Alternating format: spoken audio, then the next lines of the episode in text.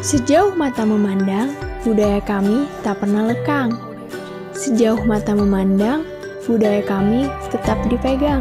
Saujana Talks, ruang bicara budaya.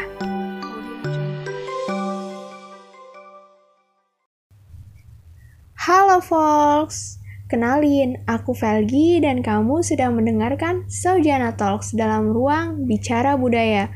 Tentunya di sini aku bakal menemani waktu senggang kamu semua dengan banyak cerita dan perspektif unik seputar budaya dan lingkungan sosial yang sedang berkembang saat ini, folks. Oke, langsung aja kita masuk ke episode 1. Pop culture di Indonesia. Hmm, emang ada? Hmm, kalau ngomongin soal perkembangan, pasti nggak ada habisnya ya, folks. Dari yang zamannya nonton acara di televisi, sampai sekarang kita bisa nonton semua tayangan yang kita mau di platform streaming video. Apalagi kalau bukan YouTube. Di YouTube ini kita bisa bebas milih video apa pun, dari yang trending sampai yang biasa aja. Ya itu sih balik lagi ya ke penonton mau pilih tayangan yang kayak gimana. Um, kalau aku sendiri tuh tipe orang yang gak mau banget nih ketinggalan tren. Jadi tiap buka YouTube aku selalu tuh ngecek video apa yang jadi trending nomor satu hari ini. Dan kebetulan banget nih Fox, sebelum aku rekaman podcast ini, aku juga nonton YouTube dulu. Ya buat memperbaiki mood juga sih. Dan ternyata ya yang menduduki trending nomor satu hari ini tuh apa coba tebak? Ya, MV-nya Espa yang judulnya Black Mamba. Hmm, aku speechless deh pas lihat uh, musik videonya. Ini tuh keren banget. Pokoknya SM Town tuh setiap ngeluarin debut nggak nanggung-nanggung deh. Selalu keren. Dua jempol buat SM Town. Dan kalau udah bahas soal girl band dan boy band, pasti yang muncul di pikiran kalian pertama kali itu negara Korea, yaitu khususnya Korea Selatan. Pokoknya Korea Selatan tuh udah paling identik deh sama boy band dan girl band. Fox tahu gak kenapa penyebabnya? Yaitu karena pengaruh pop culture yang udah mereka sebarkan ke seluruh dunia. Fox, sebelum kita bahas lebih dalam tentang pop culture ini, kalian harus tahu ya, apa definisi dari pop culture ini sendiri. Atau bahkan dari kalian ada yang baru tahu dan baru dengar istilah pop culture ini. Tenang, Kalian udah pas banget dengerin Saujana Talks, dan aku bakal lebih gali lebih dalam soal pop culture dari sejarah awal sampai uh, pop, keadaan pop culture di Indonesia ini seperti apa. Jadi, pop culture atau budaya pop adalah budaya yang sedang populer akhir-akhir ini. Contohnya tuh kayak apa yang kita makan, apa yang kita kenakan, apa yang kita minum, maupun apa yang kita tonton setiap harinya. Ya, bisa dikatakan jauh lebih sulit untuk menjelaskannya daripada melakukannya. Istilah ini tuh muncul pada abad ke-19 dan sangat identik menjadi pembeda antara kalangan masyarakat kelas bawah dengan masyarakat kelas atas. Seiring berjalannya waktu, budaya sangat mempengaruhi sudut pandang perilaku dan ide-ide yang ada pada masyarakat. Secara etimologi, kata budaya ini berasal dari bahasa Spanyol dan Portugis yang memiliki makna unsur kebudayaan yang bersumber dari rakyat berdasarkan pada perspektif bahasa dan kebudayaan Latin. Budaya populer lebih banyak mengarah pada adanya pemikiran-pemikiran tentang perkembangan budaya dari kreativitas orang kebanyakan. Masyarakat bisa dikatakan sebagai sumber pemikiran atau gagasan yang dituangkan ke dalam bentuk yang nyata, kemudian menjadi budaya, dan sekarang ini didukung oleh kemajuan teknologi untuk menyebarluaskan secara massal tanpa adanya batasan ruang dan waktu. Jadi, untuk lebih sederhananya, aku kasih contoh lagi ya, folks.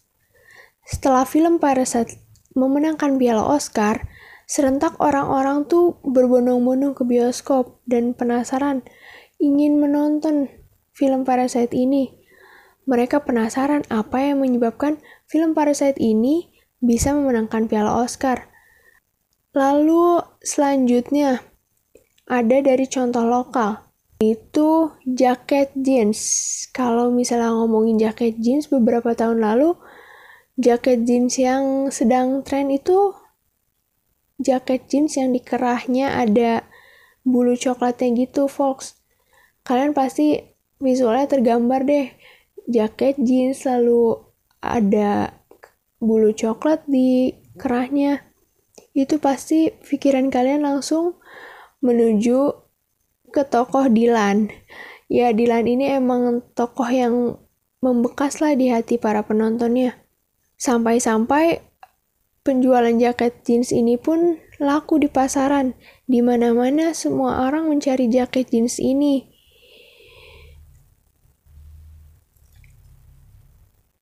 Lalu yang terbaru akhir-akhir ini yaitu kopi yang menemani masa karantina kalian. Kopi yang pembuatannya memerlukan kesabaran. Apalagi kalau bukan kopi dalgona. Pasti setelah mendapatkan resepnya, Fox langsung bikin dan mencoba mempraktekannya di rumah. Saking penasarannya dan gak mau ketinggalan tren sama orang-orang di, di luar sana. Soalnya aku juga gitu, Fox. Aku juga mencoba mempraktekannya di rumah. Tapi aku mencobanya tanpa cara mengocok karena pegel juga ya dan gak sabaran ya udah aku jadi pakai mixer deh dan alhasil, kopi dalgona berhasil dibuat dengan cara instan. Balik lagi ke topik ya, folks.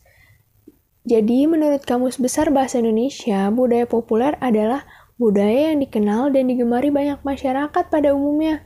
Lalu relevan dengan kebutuhan masyarakat pada masa sekarang, serta mudah dipahami dan diterapkan dalam kehidupan sehari-hari sehingga memunculkan perspektif budaya sebagai suatu budaya yang sudah berkembang, kemudian menjadi kebiasaan yang digemari oleh banyak masyarakat. Biar Fox lebih mudah nih buat memahami budaya populer atau pop culture, aku bakal sebutin ciri-cirinya. Jadi ciri-ciri budaya populer yang pertama yaitu menjadi tren pada setiap kemunculannya. iPhone. iPhone ini selalu menjadi tren setiap kemunculannya. Tanggal 13 November 2020 kemarin, di Indonesia sudah mulai rilis iPhone 12 Pro. iPhone 11 Pro aja aku belum pernah megang, ini udah keluar iPhone 12 Pro aja. Jadi emang bener-bener nih iPhone tuh selalu menjadi tolak ukur para kompetitornya, baik dari segi desain, ketahanan, maupun kerja perangkat dan bisa dikatakan setiap produk yang mereka keluarkan selalu ditunggu oleh para penggunanya. Dan ciri dari budaya populer yang kedua yaitu bagaimana sebuah budaya menjadi tren dalam kehidupan masyarakat serta banyak diikuti atau digemari oleh kebanyakan masyarakat pada umumnya. Misalnya, ada keseragaman bentuk potongan rambut, gaya berpakaian, maupun gaya hidup yang dilakukan seorang public figure atau influencer dan selebgram. Biasanya nih bakal ditiru oleh para penggemarnya atau orang-orang kebanyakan. Adanya keseragaman bentuk menunjukkan ciri sebuah hasil kreasi manusia yang menjadi tren dalam kalangan masyarakat umum, yang pada akhirnya diikuti dan cenderung menjadi proses imitasi melalui tindakan penciptaan karya tersebut. Kemudian, penemu budaya ini dapat menjadi pelopor atau promotor bagi karya-karya lain dengan karakteristik yang relatif sama. Lalu, ciri yang selanjutnya, yang ketiga, yaitu adaptabilitas. Sejak semua kalangan telah sadar akan bahaya virus COVID-19 ini, maka dilakukanlah perubahan gaya hidup sehari-hari demi memproteksi diri dari ancaman virus ini dengan cara memakai masker, jaga jarak, dan menjaga kesehatan. Maka secara sadar atau tidak, kita telah melakukan adaptasi terhadap keadaan ini. Dan ciri adaptabilitas ini menunjukkan perspektif tentang sebuah budaya populer akan mudah dinikmati, serta masyarakat umum dapat beradaptasi dengan kondisi yang terjadi di kemudian hari. Ciri adaptabilitas ini menunjukkan perspektif tentang sebuah budaya populer akan mudah dinikmati, serta masyarakat umum dapat beradaptasi dengan kondisi yang terjadi. Kemudian, mengarah pada tren yang berkembang di masyarakat. Selanjutnya, ciri yang terakhir, ciri yang keempat yaitu durabilitas. Durabilitas yakni menunjukkan perspektif tentang pergerakan waktu di mana pelopor budaya populer yang dapat mempertahankan berdirinya budaya dengan karakteristik maupun keunikan yang melekat kuat, sehingga akan terjadi ketahanan suatu budaya agar terus berkembang di masyarakat meskipun sudah lama berjalan. Contohnya adanya budaya atau kepercayaan di daerah masing-masing yang masih berlanjut dari dulu hingga sekarang. Fox, untuk Indonesia ini diharapkan banget kita tuh nggak cuma menjadi bangsa pengkonsumsi budaya populer atau pop culture. Saat ini peluang pengembangan budaya populer di Indonesia tuh masih cukup besar dan diyakini bisa mengalahkan banyak budaya populer yang dikembangkan negara-negara lain di dunia. Secara nih ya, kalau kita lihat di Indonesia sendiri tuh memiliki kekayaan ragam budaya. Gimana nggak kaya? Kita tuh terbentang 17.000 pulau. Lalu terdapat 714 suku dan 1100 bahasa daerah. Coba kalau misalnya kita adaptasi dan kembangkan. Nggak kebayangkan betapa uniknya budaya kita. Dan budaya populer ini tuh mengandung profitabilitas sendiri berdasarkan perspektif ekonomi budaya populer dan berpotensi menghasilkan keuntungan dalam bentuk materi yang besar bagi industri yang mendukung keberlangsungannya. Contohnya, produk yang lagi tren pada saat itu misalnya pakaian dan lain sebagainya ya. Pasti produk tersebut dapat mendatangkan profit bagi penciptanya. Fox lihat aja deh gimana budaya K-pop tadi seperti yang aku sebutin di awal ya, banyak banget kan penggemarnya dan tersebar di seluruh belahan dunia. Dan pemerintah Korea Selatan ini memang sengaja mengembangkan ekosistem budaya K-pop ini karena mereka mengetahui bahwa peluang untuk profit budaya ini cukup besar dan sekarang sudah menyumbang sekitar 30% perekonomian di dunia. Menteri BUMN saat ini, Bapak Erick Thohir pun mengingatkan bahwa di masa depan Indonesia harus menjadi negara pop culture yang punya andil dalam memberi pemasukan negara lebih banyak. Jika mengandalkan hasil bumi, tentu semakin lama akan semakin habis. Tetapi jika dari pop culture, tidak akan habis. Bahkan terus berkembang berkat kekayaan kultural atau seni budaya yang dimiliki Indonesia – Begitu ucapnya yang dilansir dari Republika. Dari buku yang pernah aku baca nih tentang budaya populer di Indonesia, kebanyakan pengamat kebudayaan Indonesia lebih mencurahkan perhatian pada budaya tradisional atau etnik. Dalam banyak penelitian sering kali dianggap bahwa budaya tradisional ini eksotik sebagai budaya asli masyarakat atau budaya nasional resmi versi pemerintah ya memang benar ya kalau budaya tradisional itu memang suku-suku di Indonesia tuh memiliki ciri-ciri sendiri di setiap sukunya. Jadi emang gak heran kalau misalnya pemerintah tuh terfokusnya lebih ke budaya-budaya tradisional di Indonesia dan menjadi garda terdepan atau budaya tinggi milik kalangan intelektual. Sering banget diajarkan di sekolah, lalu ditampilkan di upacara-upacara kebangsaan, galeri nasional, akademi atau gedung pertunjukan bergengsi. Dan jarang banget nih kita temuin yang membahas mengenai perkembangan pop culture di Indonesia saat ini.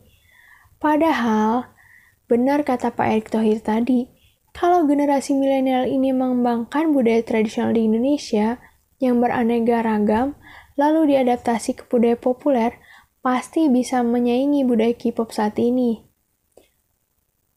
Pengembangan industri ekonomi kreatif bisa dilakukan dengan berbagai ragam cara, mulai dari musik, film, kerajinan, gaya hidup, budaya, dan lain sebagainya.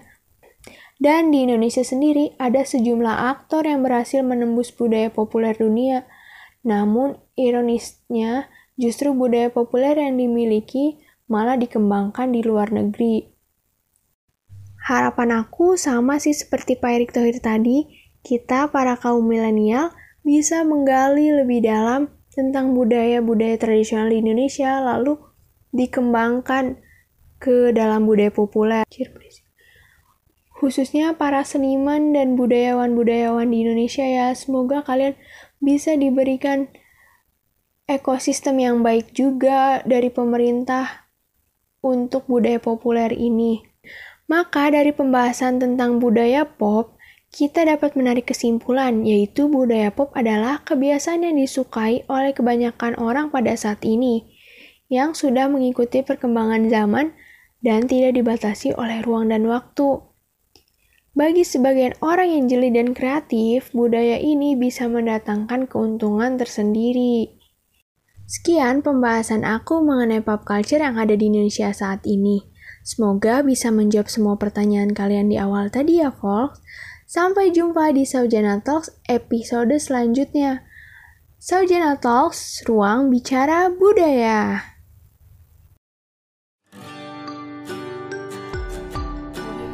Sejauh mata memandang, budaya kami tak pernah lekang.